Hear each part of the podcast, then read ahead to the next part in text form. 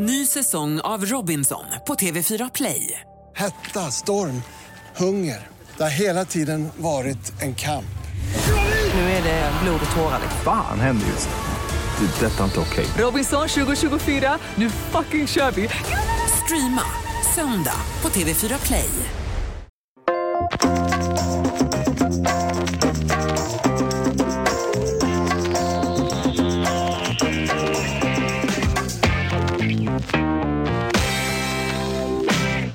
Nu var det volym. Äntligen måndag, varmt välkomna till Eurotalk. Det är årets sista Eurotalk. Vi är tillbaka sen eh, 7 januari. Det är inte ett jättelångt uppehåll, men ändå. Det ska vara ett litet uppehåll eh, för nu är vi framme vid juletider.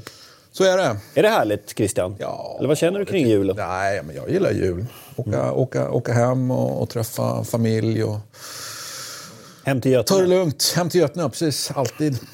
Så är det. Jag Noah med någon stretchövning? Ja, men det här, är- ja, men det, ja, men man kopplar ju av nu, eller, eftersom alla stänger ner. Det är det bästa med julen. Att det, det går inte att göra någonting. Alltså det, alla, alla åker iväg och det härjas till höger och vänster. Och för oss som inte härjar lika mycket så är det ju väldigt skönt. Och Så finns det mer. Hur högt rankar du Boxing Day under den här perioden? högt. Men ja, vi har, vi har väl, eh, Jul, Boxing senare, Day, senare år har, har den övergått till någon sorts obligatorisk plingspelsövning mellan mig och mina kompisar. Det låter farligt. Så att, ja, precis. Det är ju snarare då att det är ett stressmoment än att det är avkoppling. Hoppas Mourinho är med och spelar, eller? Ja, vi kan ju säkert göra någon extra bingo med hans presskonferenser i det här laget. Så, så det skjuter ut sig rejält. Fast han håller inte nollan nu så mycket längre. Men ja, Nej. Ja, eh, Martin, eh, du och Christian var på resande fot ja, förra veckan. Vi ska Det- komma in lite mer på det senare, men kan jag berätta lite grann? ja, det- var kul faktiskt. Det var, man inser ju att man tar sig för lite tid i sin vardag till saker att eh, reflektera och förkovra, helt enkelt. Det, alltså, det, det, det är som Noah var inne på, det är ett, det är ett eh, ekorrhjul som snurrar. Och till skillnad från Noah så kommer jag jobba fullt. Eh, visserligen åker jag upp till fjällen eh, det, vissa dagar här. Och, men därifrån så kommer jag just att jobba. Det, är- det är bara Noah de här som tror att livet är en paus. Liksom. Bortskämda Nu kommer, nu ungdomarna. kommer det här igen. Det är alltid generationskritik. Det kommer, Martin kommer skriva en bok om det här till slut. En bestsellerroman. Hur de svek oss. Jag Han börjar låta som de här Berättelse om- 50-talisterna. Ja, men det är Jag bara- är ju 50-talistuppfostrad, Eh, alltså, det är väl alla. Ja, men jag, är, ja. jag har anammat det sättet att vara. Jag knegar. Ja, jo. Ja, exakt. Tio saker. Ja, ja, Noah tar paus konstant i livet. Det kan ska. Ni ska inte pauser, det är väl klart. Skål. Ja, nej, skojar ju. Ja. Ehm, sista omgången i gruppspelet av Champions League spelades ju även eh, Europa League där eh, Malmö står för en jätteinsats. Verkligen. Eh, som en liten eh, parentes i det här Ja, sammanhanget. de, då. de kvalificerar sig nästan för ett litet segment i Eurotalk genom att de går långt i europeisk cupfotboll nu. Då. Exakt. Det kan ju inte bara... Vadå, är inte Euro, Europa League med i Eurotalk? Jo, det är det jag menar. Nu är de ju liksom... Ah, okej. Ja, Vi har, ju- vi har ju aldrig pratat speciellt prata mycket om, allsvenskan ja. här. Men de, Nej, men en eh, otrolig insats. Ja, Ja, det, då. det, är, det är mäktigt. Alltså. Sen, så, sen är det ju fascinerande tycker jag att se Besiktas på samma gång som man fascineras av Malmös insatser i den här Ja, och matchen. där Pep har brutit kontraktet. Ja, men det, känns ju också typiskt för alltihopa att det blir något otroligt drastiskt som sker. Men turkisk fotbolls liksom, eh, lite fälla på något sätt. Att deras sätt att hävda sig i de här turneringarna är att få dit bra spelare som hamnat lite avsides i de stora ligorna. Som de, många av de spelarna som utgör Besiktas bästa startelva här till exempel. Men problemet för dem är att de flesta av dem kommer ju dit framförallt för sin egen skull. Och Exakt. när de, de, de inte liksom, när de Besik- behöver hugga i, hugga i kollektivt så gör de inte det. Besiktas är ju, min känsla är att Besiktas är ett lag som är byggt av spelare som inte tar och liksom axlar hela lagbygget utan det är de som springer lite för sig själva och så samlar ihop dem i ett lag. Och det, är exakt så de Och då uppträder. blir det Men vadå, inte, jag tycker så här, det är väl så turkisk fotboll alltid hållit på. Skillnaden är väl att de har mindre pengar nu så du får ta de här spelarna ett steg senare i karriären. Så att de flesta av dem är faktiskt för dåliga för att vara på den här. Så att det, det är ingen skillnad. Det, det är ju så här grej man har tyckt att, att turkisk fotboll är helt sjukt att de, de förutsättningarna inte är, kan bli långsiktigt bättre. Men det är bara quick fixes alltid. Det är Jag tycker- ingen som tar en spelidé. De sparkar ju tränare. Alltså, Men de här tre stora drakarna där nere då, till exempel. Det det är ju, det är ju konstigt jag att de inte kommer till insikten att... Man tittar på det här laget och de spelare som har kommit... Det kommer ju bra spelare från Turkiet. Alltså det finns ju mycket bra fotbollsspelare där nere och liksom en fin fotbollskultur och tradition. Och framförallt många olika typer av spelare tycker jag.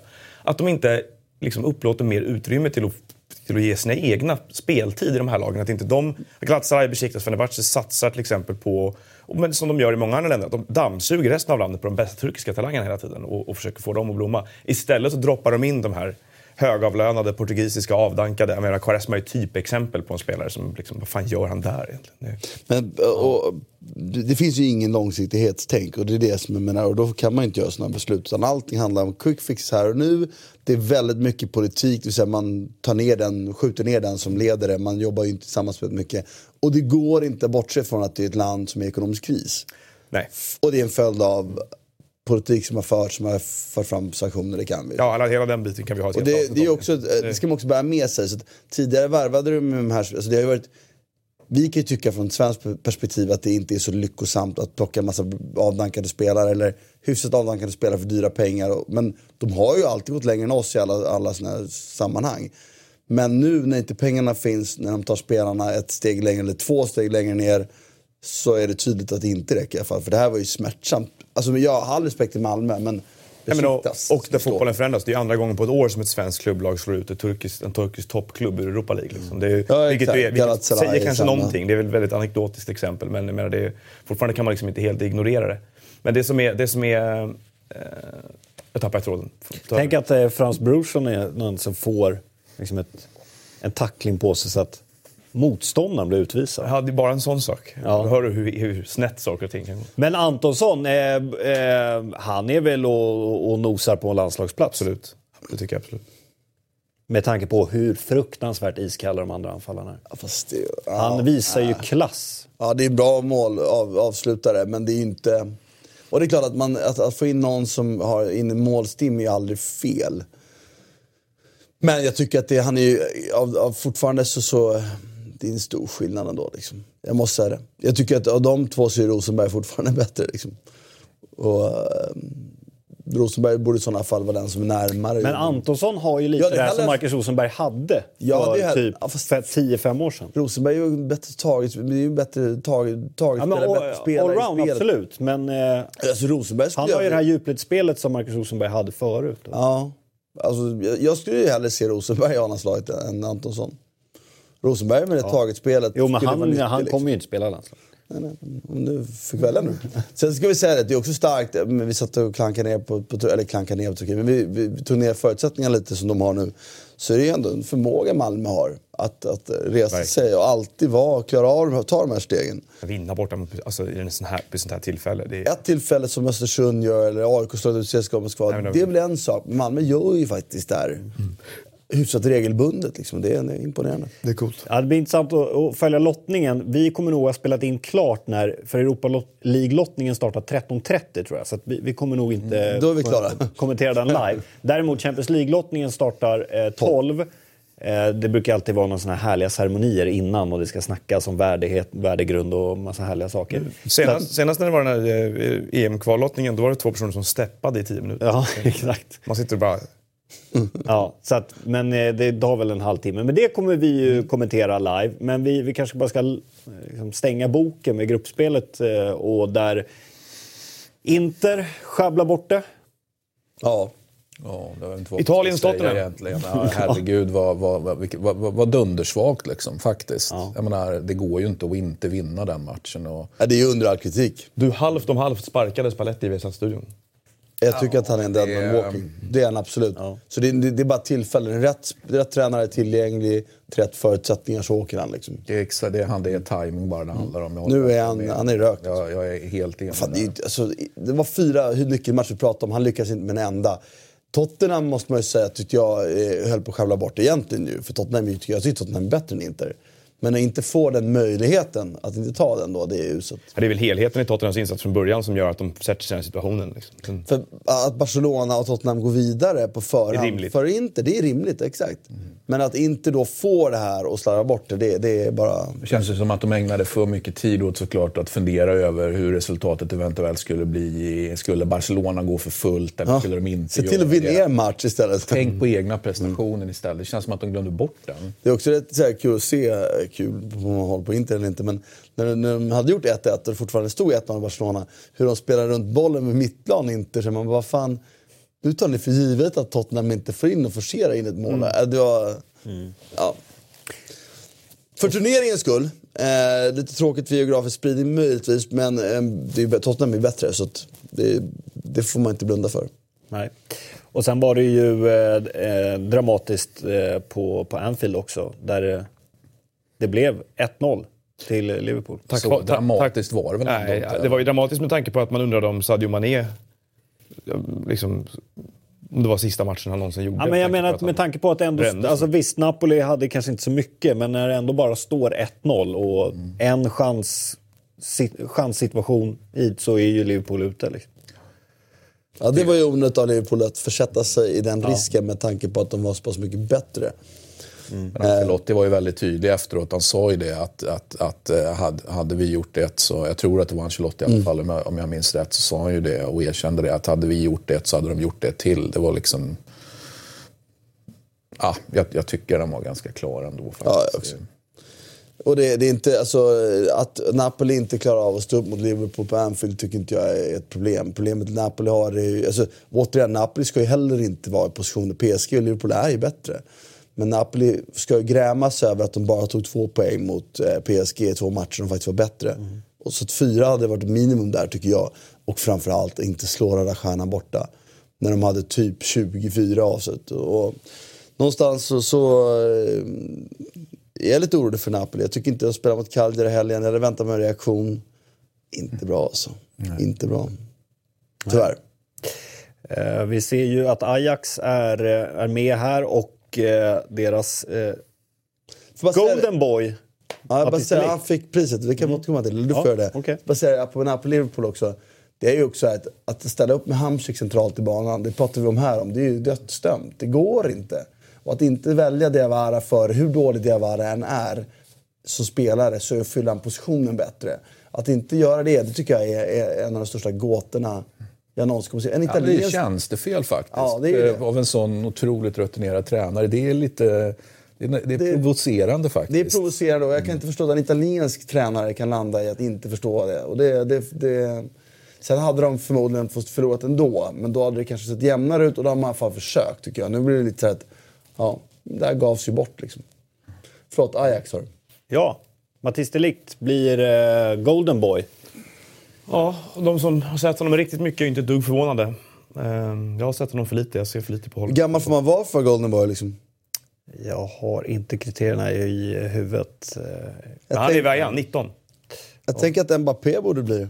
Jo, eh, Mbappé var ju med på, på listorna. Det är bara sjukt. Och det är ju... Eh, Alltså, Så- smått sensationellt att inte han vinner. Ja. Ja. Tycker. jag. Det är, ju- det, är, det är återigen ett, ett pris att pissa ner i... i eh, Oj. sköt vi ner det? Ja men vadå? Ja. Det är likt före Mbappé. Men det, hur mycket har du sett vi, är det ens honom? verklighet? Jag har sett honom spela. Jag är inte nära Mbappé, men fan. Det är ingen skam, han är en grym fotbollsspelare. Men Mbappé, kom igen. Nej, nej, jag- det är ju jag- jag typ den bästa 19 år världen har sett. Men, men att Ajax går vidare är ju lite sådär att man... Att, nu var de i Europa League-final här om året. De har ho- honom och Frenkie de Jong som två liksom juveler i sitt lagbygge. Eller Hakim Ziyech såklart, kanske mest av allt. Men eh, typiskt Ajax att, att, att eh, holländsk fotboll vaknar lite grann. Ajax vaknar lite grann igen efter de, liksom, de är på väg upp i en annan del av sin cykel nu. Så jag kan tänka mig att vi har ett eller två år till av bra Ajax-tider på något sätt. För det känns som att det är dags för det för dem att, att toppa en, träffa rätt i utvecklingen och sådär. De, de, inte, de, har ju, de har ju slumrat precis som holländsk fotboll har under ett par år. Och, och känns inte som att de... Sen också som, som deras förbannelse är att när de har sina egna produkter och de är så pass bra att de är för bra för holländska ligan. De vann med 8-0 mot Grafschap Graafschap i helgen här. Eh, men samtidigt inte så bra att de blir sålda ännu. Att de väntar på att säljas. Och så kryddar de det med smarta nyförvärv utifrån. Då kan Ajax även hävda sig i europeisk kuppspel och det är väl det de gör just nu. Så att det, ja, det, det är kul. Det är kul när, när Holland i alla fall har ett lag med vidare tycker jag. Mm. måste säga det också att, att hade det varit Ajax på 90-talet nu så det är ju härifrån de hade... Problemet är att de blir ju sönderköpta nu.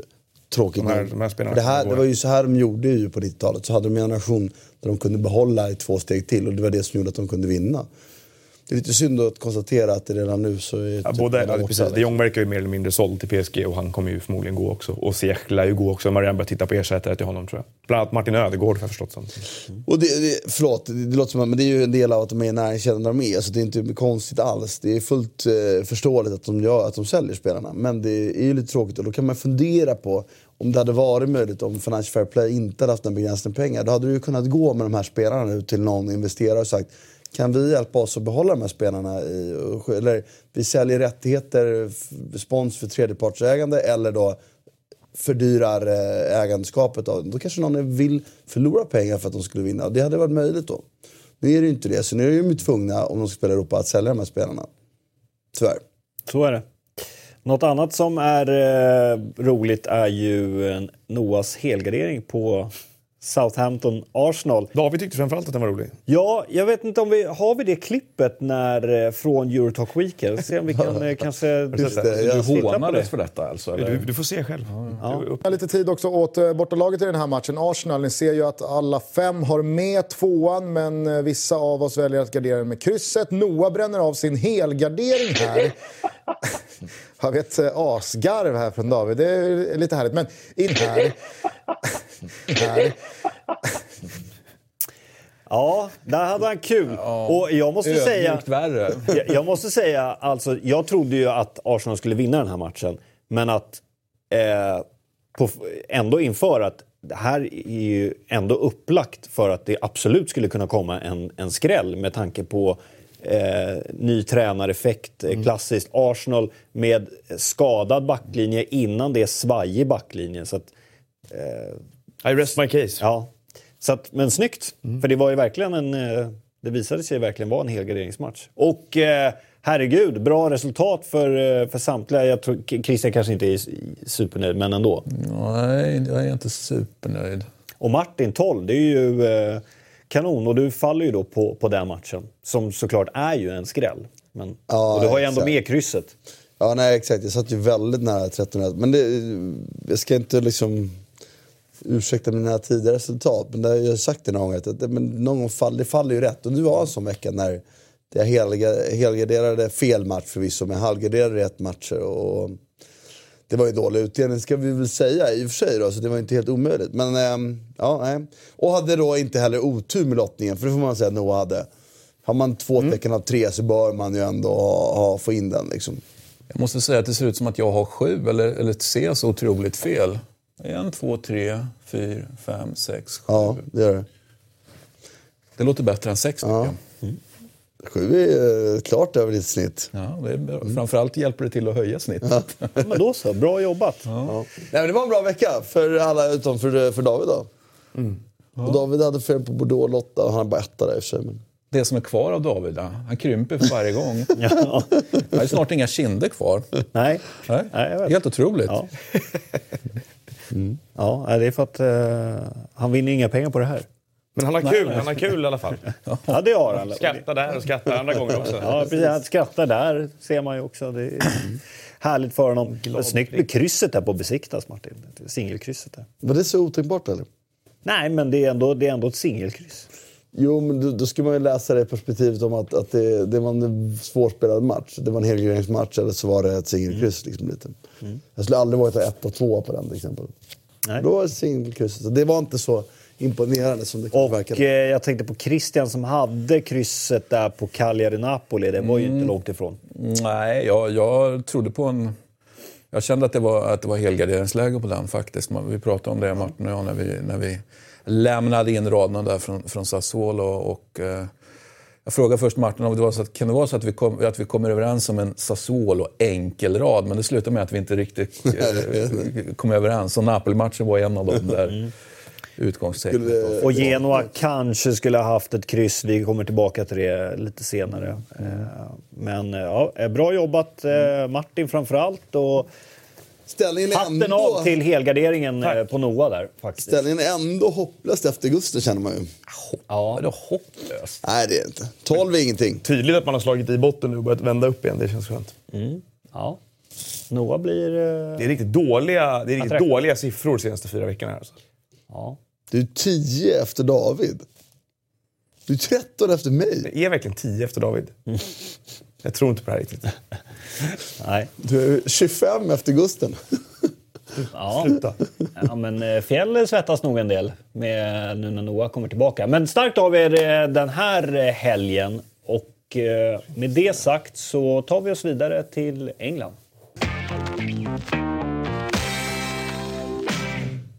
Där vi hade stormatchen Liverpool mot Manchester United. Men eh, det var ändå inte riktigt alltså, en stor match på det sättet att... Snackar om det var jämnt. att eh, Noah, du twittrade om, om, det, om det. Jag hade samma känsla. Det var ungefär som att se Burnley, Fulham, ta vilket bottenlag ni vill, som skulle åka till Anfield och bara snälla slakta oss inte. Vi bara försöker försvara oss här. Och det är ju ändå, vi kommer ju tillbaka till det här varje, det är verkligen måndag hela veckan när man pratar i Eurotalk om Manchester United. Men det är ju Måndag sorgligt att se det här alltså. Det var, det, ja. All cred till, till Liverpool och Shakiri som hoppar in och stänker in två kassar. Men Alltså Liverpool gör ju, en, Liverpool gör ju en, en väldigt bra match och de kommer från en väldigt bra vecka nu. Både prestationsmässigt Verkligen. och resultatmässigt. De ju, står ju liksom, kunde ju inte se bättre ut för dem än vad det gör på många sätt. Och ändå överskuggas det av den helt fruktansvärda, bedrövliga insatsen som Manchester United gör. Det är det som är det sjuka. Att man vill ju sitta här och ge Liverpool beröm i första hand. Men jag tycker nästan att det som blir takeawayn från det här är liksom den, dålig, den dåligt utförda, dåliga planen. Det är alltså från Manchester Uniteds sida. Och jag undrar, jag förstår liksom inte, vem vill det? Vill han det här ens? Vill han fortsätta med det här? För jag tänker också, med, eh, det är ju, eh, om inte den rikaste klubben, en av de rikaste klubbarna i världen. Det är världens rikaste Ja. klubb enligt Deloittes senaste sammanställning. Och ehm, då måste jag ändå ambitionen vara att, att vinna ligan, komma långt i Champions League. Eh, sen går säsongen som det gör, då är ambitionen topp fyra. Nu, de kommer ju aldrig nå topp fyra. Så då undrar jag lite så här, vad, vad sitter ägaren och väntar? Sitter de kanske och har så här, den här managern vill vi ha, vi väntar in rätt läge, det går inte att lösa. Eller varför sitter man kvar med Mourinho? För att de kommer inte nå topp fyra nu. Och världens rikaste klubb, det är ju liksom... Men de sitter väl av samma, samma, eh, samma ekonomiska anledning som, som Arsenals ägare också satt och, och var jävligt nöjd med att det här går ju ekonomiskt hur fint som helst. Ju. Jag Det här tror- är de är ju liksom inte stressade på det sättet som, som en Sportliga är normal inte ägare är stressad. eller? För, för, och det är, en, det är en miss, det är en feltolkning. För jag tror Men de håller ju på och underskattar- naggar av emblemet. När de, Jo, när det, visst ser ut så gör här. de det. Visst gör de det. Jag jag, tror de tror inte att de bryr sig. Jag tror de underskattar eh, liksom varumärkets devalvering av sportsliga bekymmer som de här. Jag tror att de inte förstår allvaret i vad de håller på att göra med Manchester Uniteds ställning i europeisk fotboll på något sätt. Alltså jag måste ändå fan... Så här, de spelar en tråkig fotboll. Alltså, som alla världen, och det kan man då vara roligt tråkigt, men om de pratar om varumärkestänk så är ju inte en, det är ingen fotboll som får...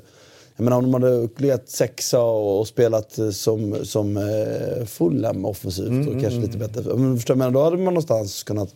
Jo, absolut, jag förstår vad Christian är inne på. Att, att, ja, men det är klart att, att tjänar de pengar så är inte det, det centrala de vinner. Men missa Champions League då, betyder det ingenting då eller? Men det är det jag menar, jag tror de underskattar, ja men Mr Champions League, du kan ju argumentera för att den intäkten i sammanhanget går, den går, den går att avvara ett år. Dock tror jag att de kommer reagera i sekunden, men det verkar som att de inte riktigt hänger med där heller. För att det rimliga, det har ju varit på agendan ganska länge att det ska hända nu. Alltså det är inte så att det kommer som en nyhet efter den här matchen att de är på väg att missa Champions League. Så att Det konstiga är att, det var, jag så- jag såg, läste någon bra jämförelse, den haltar på vissa sätt, på vissa sätt är den ganska rimlig med vad som händer här i jämförelse med vad som hände med Liverpool medan Manchester United egentligen växte om Liverpool i, på och utanför planen på 90-talet. Och det är att det här upptagenheten av att man, är, man, har liksom, man har tagit paus egentligen i toppen. Man har saktat in och tagit, tagit en rast egentligen för att man känner sig, känner sig så redo med alltihop. De tror att de har allting på plats. Eh, men de som bevakar klubben nära och har koll på den, liksom, de menar ju att sen Ferguson klev av mer eller mindre så har ingenting hänt i deras scoutingavdelning. Liksom, avdelning. de, de, liksom, de är inte upprustade där på något sätt. De, funger- de är den enda toppklubben i England som inte har motsvarighet till en teknisk direktör som håller ihop eller fungerar som en länk mellan styrelse och tränare och sådär. Alla de här delarna gör att liksom, det, det, finns en sorts, det fanns en stor intern skepsis till rekryteringen, inte bara av van Gaal utan även av Mourinho. Alltså, alla de här sakerna tyder på en lite mättnad på något sätt och att de eh, de har ägare som vars huvudsakliga syfte med, med Glazer-familjen då, när de köpte klubben, var kanske då att de hade en kommersiell infrastruktur som var oöverträffad och ett varumärke som var oöverträffat. Och så länge det tickar på, vilket det fortfarande är. de tycker inte att det tar skada av att fotbollen är tråkig eller att eh, de ligger på någonstans i tabellen. Då tycker man att man kan sitta lugnt i båten och välja en tränare i lugn och ro så småningom eller vad det nu är. Och det tror jag, det tror jag, där tror jag att man underskattar. Jag tror att liksom de, de kommer se, kanske inte på kort sikt, men på lång sikt eh, konsekvenser av att det är så här. Alltså, det är ju i alla fall så enkelt så som att säga att, att det här eh, den här ledningen får ju ta på sig att de just nu håller, låter, låter, låter den här säsongen gå till spillo. Jag, på din fråga, de borde ha sparkat Mourinho i somras. Mm. De borde ha sparkat honom för en månad sedan när de såg vart det var på väg det här. För att i min värld så är ändå Champions League-platsen både ekonomiskt i upfront-pengar viktig och den är också viktig varumärkesmässigt. Extremt viktigt tycker jag. Jag kan inte, ja det är möjligt att de skulle tjäna pengar ändå men någonstans och det är ett stort frågetecken för mig och helt obegripligt för mig att fans inte protesterar mer, eh, att inte eh, klubben reagerat hårdare och att han är kvar. Däremot utfallet, eh, det var väl ungefär precis som vi förutspådde vill jag påstå här. Det är, eh, hans tid är förbi, fotbollen har sprungit förbi honom och så länge inte han kan förändra sig. Nu börjar jag tro att, att eh, så här Champions League-platser är för, för, svårt för honom att uppnå. Utan han ska nog börja om mycket längre ner. Jag tror inte hans, Övre halvan. Hans tid som tränare är inte slut. Men, men det är ju ingen tränare, alltså jag hävdar igen då. Jag tyckte han misslyckades i Real Madrid. Han vann Copa del Rey en gång och La Liga på tre år. Värvade överlägset dyra spelare i hela världen kapitalt misslyckande. Men... Så det är en tränare som tiden har sprungit förbi honom. Varför reagerar inte klubben? Varför reagerar inte fansen mer? Jag vet inte. Nej, men det är det, det deppiga i det här, att det blir så ambitionslöst. För det är deppigt i ordet, för det är det man känner igår. Jag är inte ens glad för att Liverpool har vunnit. Jag kan inte ens se, det här är en stor klubb som är tillbaka. Utan jag bara säger, fy fan för att hålla på United. Fy fan vilken kapitalförstöring. Vilka jävla missade chanser. Det är bara deppigt. Mm. Deppigt ja, det är deppigt. Ordet. Och så eh, Pogba på bänken och Lukaku. Alltså, han ser så otroligt tung ut. han, han, han, han, ser ut att väga 150 kilo. Han tycker jag är nästan det bästa exemplet här. Cementblock där uppe. Eller Pogba och Lukaku på något sätt. Jätteinvesteringar båda två. Och då ser man nu hur en hel del supportrar som gnäller på det här. Det finns ju såklart ett raseri mot Mourinho nu som är på väg att spilla över på, på internet och inte på arenorna. Jag förstår liksom inte vad... Det borde reflekteras lite mer där kan man tycka. Ja. Men eh, eh, då ser man då ändå vissa andra som väljer att säga att även att jo, men dessutom måste hela laget bytas ut. Att de här spelarna är för dåliga. Trans. Och det är ju konsekvensen av Mourinho. Han har ju nu börjat maskera spelarnas förmåga så, under så lång tid. Att det har glömts bort att Lukaku är en fullgod centerforward. Han ska absolut kunna... Liksom, han, han, är mycket bättre än så här. Och Pogba behöver inte bänkas för att han är ett stort bekymmer för laget. Och Bailly kan bättre än att slänga sig på rygg på offensiv planhalva. Alltså, förstår jag menar? Det, är liksom inte, mm. det, det, det, blir igen det här att man, man måste börja hitta komma tillbaka till, till, till roten här på något sätt. Och ju tidigare de eh, tar in någon annan som inte desto mindre behöver de värva eller återställa. För den, truppen, han förstör de här spelarna. Den här truppen. Och han har ju rätt bra, vi har ju gått igenom det här flera gånger, flera års tid. Liksom. Det är ju en kapitalförstörare av rang. Om du tittar på spelare han har missat. Det var ju jätteroligt för fyra eller fem år sedan då när han ratade vad som spelade i Chelsea. Typ fem av dem spelade Champions League-semifinal på, på start året efter. Eh, men det är eh, bara rakt igenom, tycker jag, tråkigt. Och det var eh, i, i många stycken en erbarmlig insats och det hade varit bättre att ha Pogba på topp än Lukaku andra halvlek. Det var på allvar ett drag jag skulle ha gjort. För fan, ta in någon som kan röra sig och göra någonting själv med bollen åtminstone. Ja, spela, är så bedrövligt så att det är liksom... spela på, Lukaku är bra i offensivt straffområde när han får inspel. Han gör ingenting på planen i övrigt. Men då är det bättre att ha Pogba på topp om du har det taktiken. Om du väljer en erbarmlig taktik för att han inte kan något annat, men väl då spelare som kan utföra den taktiken. Pogba i den rollen hade fan ta mig varit bra tror jag. Han är ju lika bra torgspelare. En mot en, där kan han väl springa och göra sen. Det gör ingenting om han dribblar bland bollen där. Och någon gång kommer han lyckas med någonting. Men äh, ja, det, var, det var tråkigt att se. Då säger, Liverpool var grymma en halvtimme igår. Mm. Första halvtimmen tyckte jag var riktigt, riktigt bra. Bland det bästa jag sett Liverpool. Förutsatt att de mötte ett lag som ändå står, som är ändå av den dignitet United är, spelare för spelare, som står så lågt. Mm. För det tycker jag ändå, och jag tycker Fabinhos passning är ju så här, Jag kan hitta tio exempel på de här matcherna, jag ska inte säga, men fem, sex i alla fall. När jag ser en rörelse, en boll som borde spelas mer kontinuerligt. Fabinho gjorde en. Och den resulterade. Sen tycker jag i andra halvlek att de har lite flyt som passning. vinner. Inte för att de inte förtjänar det, men för att de skapar tyvärr lite för lite. Där tycker jag ju Mourinho har en poäng i sin intervju. Att när de vinner Liverpool så är de klart bättre, dominerar spelet men de skapar ingenting. Men- Det är två skott som ändrar riktning. Fullt välförtjänt, men där, där har fortfarande Liverpool, det blev lite... Jag kan, Samtidigt blir det så här att... jag kan välja skjuter du- tidigt klipp i andra halvlek när Liverpool spelar över rättvända när folk står, timingen är fel. De står med ryggen mot målet och på väg hemåt. Den timingen försvarsspel. Vi har precis varit nere och sett en tränare som jobbade extremt mycket med de här bitarna. var jävligt duktig på det.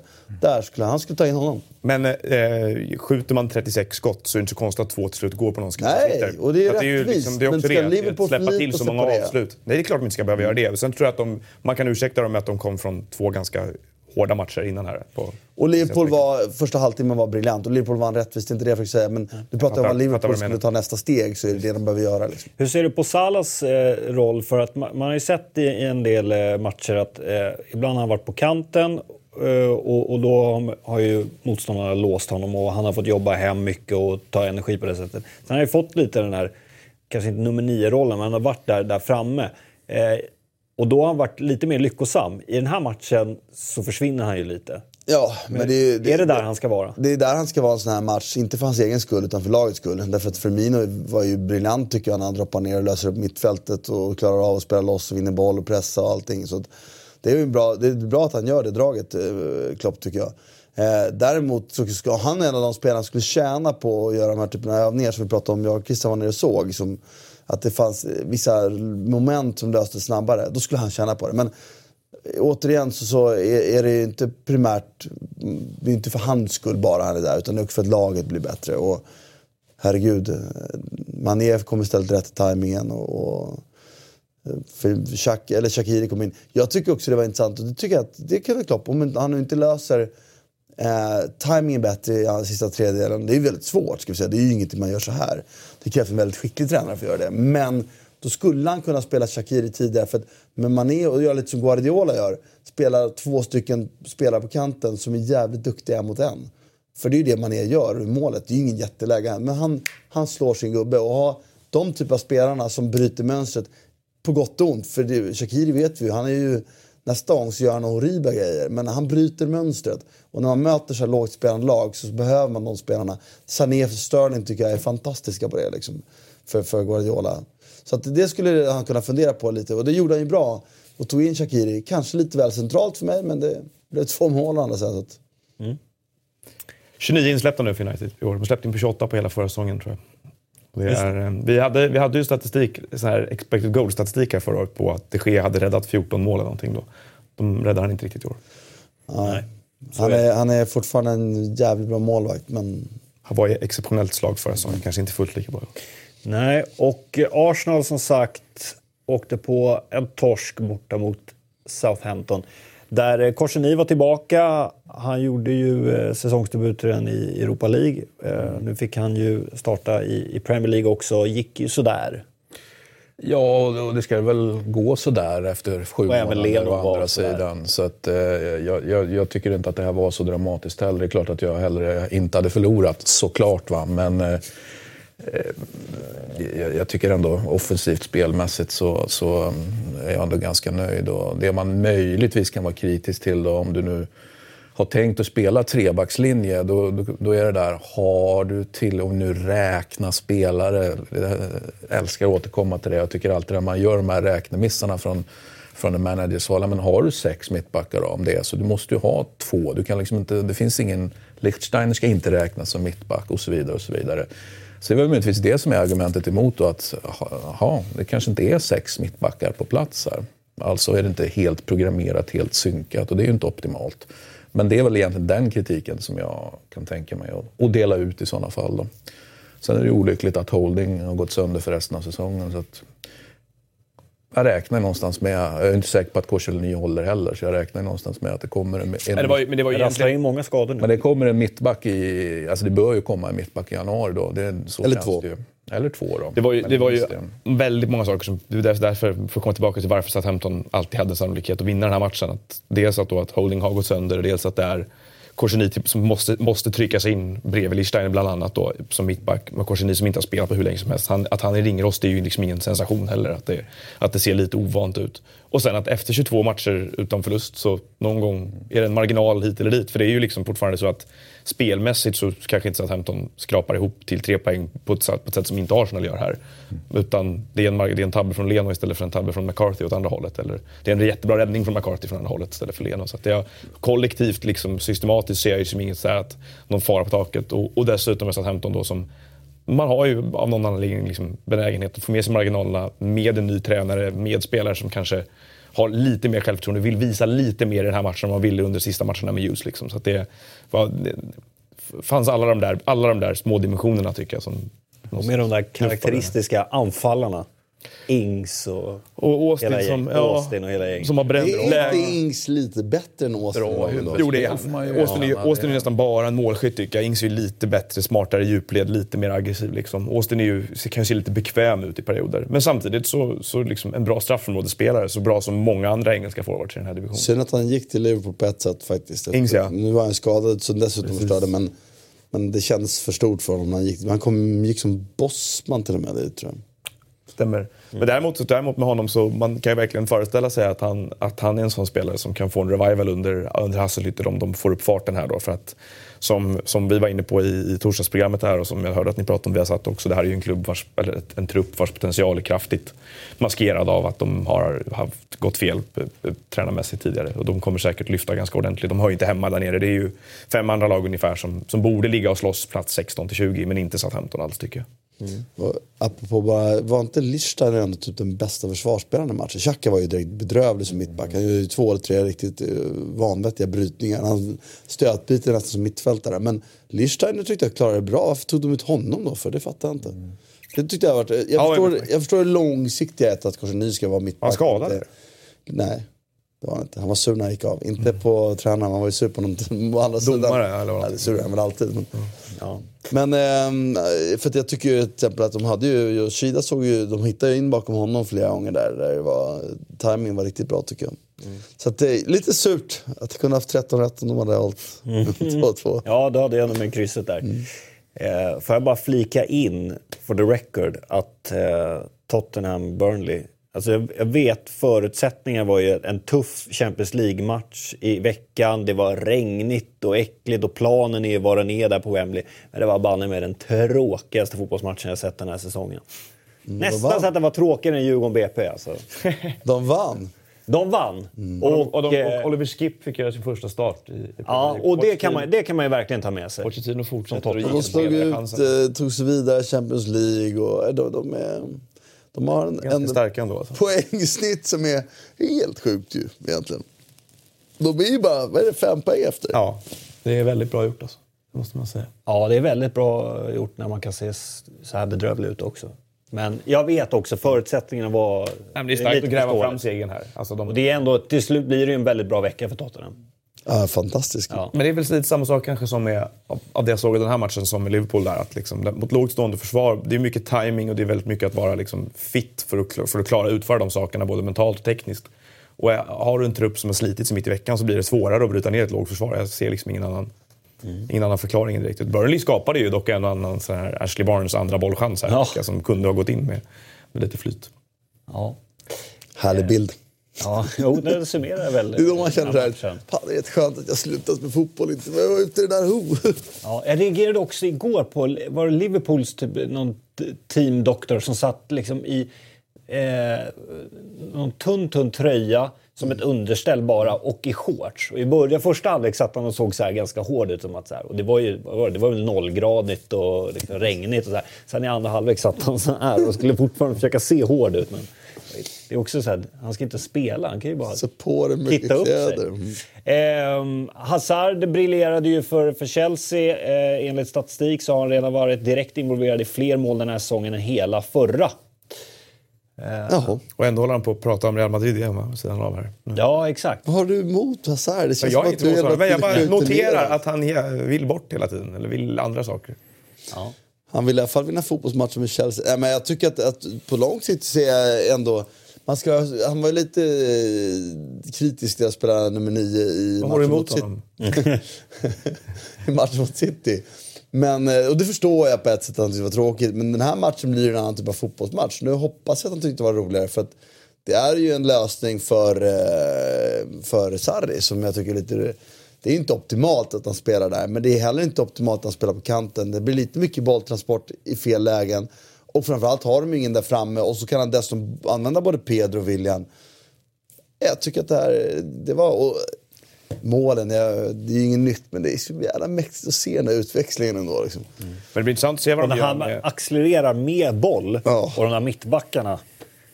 Det är liksom... Men det intressant att se vad de gör med forwards, forwardssituationen här. Alltså om de gör en förändring redan i januari eller om de väntar till sommaren. Jag kan tänka mig att transaktionen som krävs för att byta Morata mot en forward som ska kosta 70 miljoner euro tillbaka. Den är ju svår att genomföra i ett januarifönster. Alltså. Från Israel liksom. känns som att de måste... Känns verkligen som att de måste... Nej, men de, de, de behöver ju planera den och den behöver ju ske. Vem tar en chans på Morata just nu heller? Liksom? Det känns ju snarare som att de måste vänta lite med det. Det men det är ju, det är ju ett, någonting som behöver göras småningom. Det känns som ingenting om att göra sig när den här klubben säljs, eller? Tror du att han gör det? Ja, det är väl vad man tror, eller? Jag vet inte. Det har ju investerats ganska lite i den här truppen de senaste åren. Jo. Om man jämför med då, eh, konkurrenterna. Ja, nej, visst. Och ändå vunnit en titel ganska nyligen. Noah, Ken Sema med start igen och en ass. Ja, och han var ganska bra. Han fick spela 90 minuter den här gången. Och Watford var bra. Och Watford har hämtat sig från sin formsvacka och ser riktigt fina ut faktiskt. Och Delofé gör konstmål. Vilket mål han gör! Det borde alla kolla på. Ändå var det typ inte det snyggaste i den här Eller det beror på vad man gillar. Och Jota med en ass också. Ja, han är bra, jag säger det. Det är en jävligt bra spelare. Men Watford, Watford alltså, nu, vart det, nu släppte de in två slarvmål på slutet för att de tappade koncentrationen lite grann. För att Cardiff gjorde en sån här Cardiff-forcering. Och har Junior Hoylett som ser ut som han gjorde i Blackburn 2011. Eller vad det var. Eh, det, det var en kopia på det han gjorde mot Wolverhampton här veckan. Jag såg inte det, men alla tjatade om det. Så jag förstod att det var... han kan, han, vissa spelare har den där förmågan att pricka bort i krysset. Liksom. Han, han, är, han är en expert på det. Men det är flera spelare i det där Watford-laget. Han Kina som gjorde, som gjorde sitt första mål nu är väl 19 18 eller 19 år tror jag. Ser också riktigt bra ut. Watford har värvat, har värvat bra alltså. Det är, och då, jag vet inte, Semas insats blir ju liksom, den drunknar lite i mängden av andra bra insatser när man vinner med och gör tre mål. Men, eh, Men det är viktigt att får- vinna när man spelar i hans position. och han har spelat i två riktigt bra Watford-insatser nu. De var ju riktigt bra borta mot Everton i veckan här också när de fick 2-2 och borde ha vunnit den matchen. Det här är ju stereotypen av ett fotbollsproffs eh, twittrar eller lägger ut på Instagram. Intetsägande eh, tweet som bara är, ja, ta, typ, an, det, det som fattas är väl typ eh, tack för stödet och så en Getty Images. Jag tänkte ju säga, har han... Har han alltså, det, det där går gör ju inte att alltid- tolka på något annat sätt än att han snott den. Ja, men så där är ju alltid fotbollsspelare. Det är alltid Getty Big Images no-no. eh, gråa... Gulligt. Prosit. Men och, Och så alltid imported fel- win yesterday. Stavat fel på Sema Show, så Sema How där uppe. Det är lite synd. Ja, Sema How. Det kanske är en... Eh, Jag tror det ska stå Sema Show. ja, ja, jo. Kanske nästa gång sitter den. Ja. Eh, men, men det är- bra jobbat, kul att se Ken Sema Ja, det. Det starta är och verkligen göra kul poäng. Eh, Man vill inte att ens namn dyker upp som den som likar sånt där heller. inte. Nej, Nej, verkligen det, är, inte- inte. det är ju bra vi konstaterat. Så då är det ju i så fall smicker man håller på med. Ja, nej.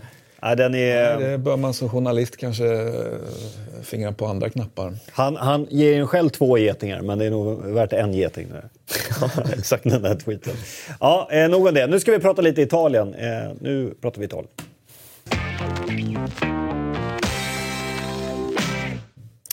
Där alltså Martin och Christian har förra veckan varit eh, nere och kollat på Sassuolos träningar. Ja. Eller träning. Arr. Det var, Plural. det var flera. Ja, Plural, flera dagar. ja. Det var ju eh, inte den mest glamorösa av omgivningar som ni kan se. det kanske man kan... Men vad, vi och glamour, det är ju inte riktigt... Är du med? Ja, fast jag kan nog tänka mig mer än du kan. Ja, jag vill bara se om du nappar på den eller inte. Ja, vad fick du för intryck? nödvändigtvis söker Ja, jag han är mer inte det. proffsfotograf också.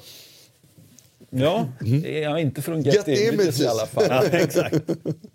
Vad fick ni för intryck av eh, De Zerbi? Alltså, jag kan tala bara för mig. Jag tyckte att det var kul att se en tränare som var så engagerad i alla övningar. Och, och väldigt, det var ju tacksamt att vara på en liten arena. Ljudet studsar ju, så man hör ju väldigt bra när han pratar. Liksom. Ehm, och sen så... Eh, ja, men det var väl en... Ska man säga att mycket mycket var inte nytt, men eh, en del var nytt. Jag tycker en del grejer som han var väldigt specifik med tyckte jag var intressant att se. Och sen hade han en övning på torsdagen när han övade eh, liksom vi var där på onsdag förmiddag. Då började han med, med en del, första delen av uppbyggnadsspelet. Och där eftermiddagen då länkade han ihop mer av uppbyggnadsspelet. Och sen bröt han ur det till liksom hur lösa upp situationer på, på torsdagen på en övning som jag aldrig sett förut. Som jag tyckte var jävligt spännande och jag, klok och smart. Och, sådär. Sen så fortsatte han träna både fredag då med taktisk tydligen. De var mycket mer taktiskt än vad, än vad jag trodde det skulle vara. Så det var... Det var kul att göra framförallt. Det är kul att åka ner och bryta något. Ta tid för att eh, åka ner och sätta sig och kolla. Sådär. Det är ju kul att göra det oavsett vad, vad ambitionen är liksom, i livet. Mm. Med, med om man ska bli tränare, om man bara ska sitta i en studie eller bara titta för roligt. Det är kul att se helt enkelt. Mm. Sen var det ju kul och vi hade fan trevligt också. Mm. Ja. Mm. Drack bra vin. Mm. Det är också en bra grej. Härligt. Ja, Christian, vad tar du med dig?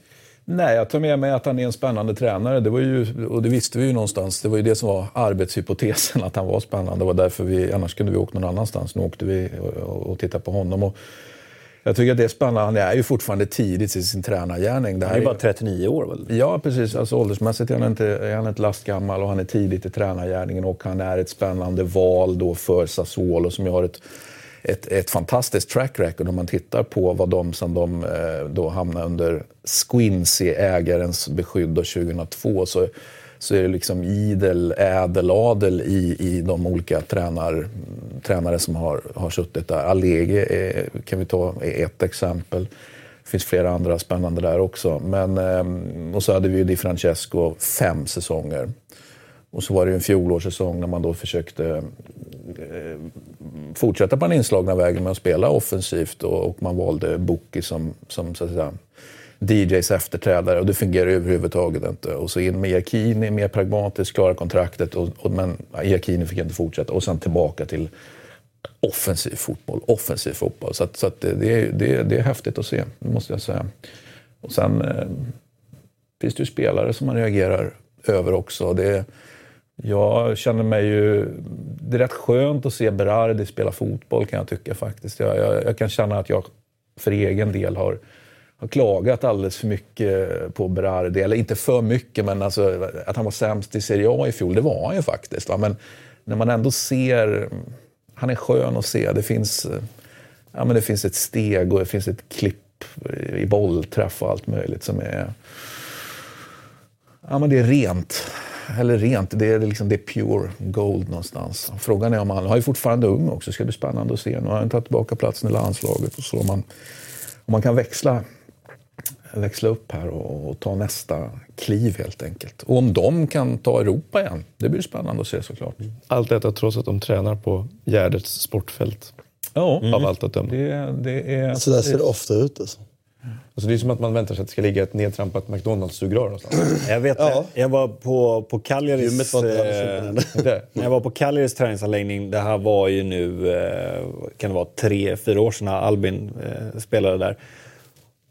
Och jag fick se deras träningsanläggning som var också så här pittoresk och mysig mm. på ett sätt. Men, och så fick jag se så här, dels där A-laget tränade, ja, den var ju helt okej. Okay. Det här var ju februari. Så här. Den var helt okej. Så tittade jag på gräsplanen, vad, vad är det där? Det där måste vara något gammalt som började veta. Ja, men det är Primavera-laget.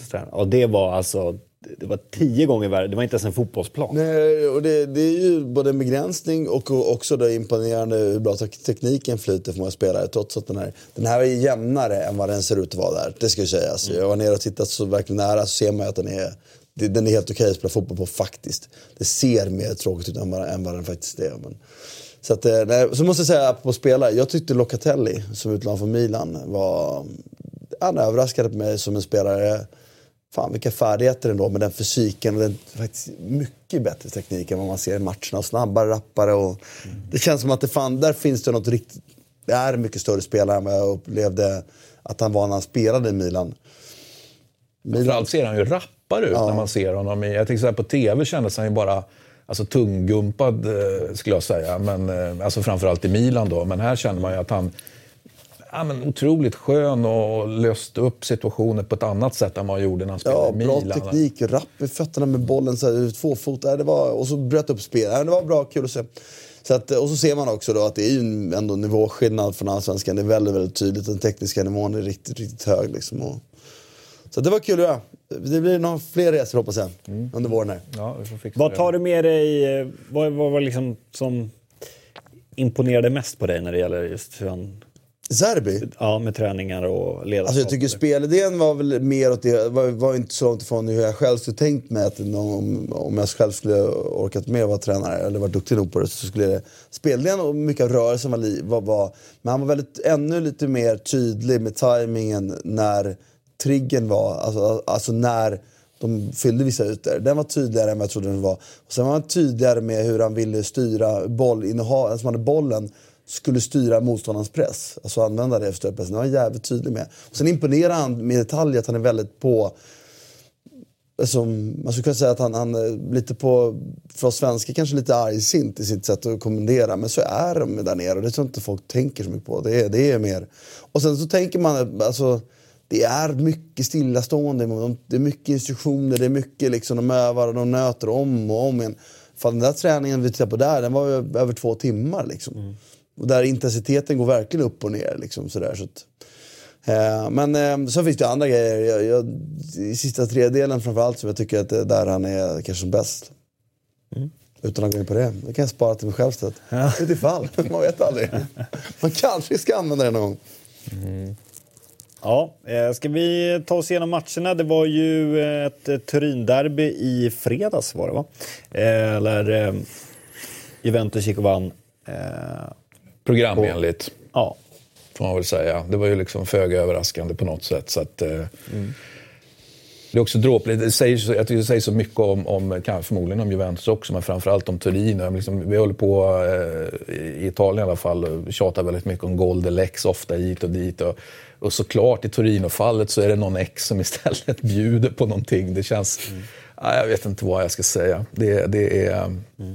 Eller i lördags var det den. Ja, men eh, är man, är man Toro här får man väl någonstans försöka ta med sig det där prestationen då. Men de spelar ju ändå liksom förhållandevis bra. Va? Sen har de ju kanske lite otur och får eh, tidig skada på, på, på Sirigu och så vidare. och så vidare. Men det är ändå inte det som...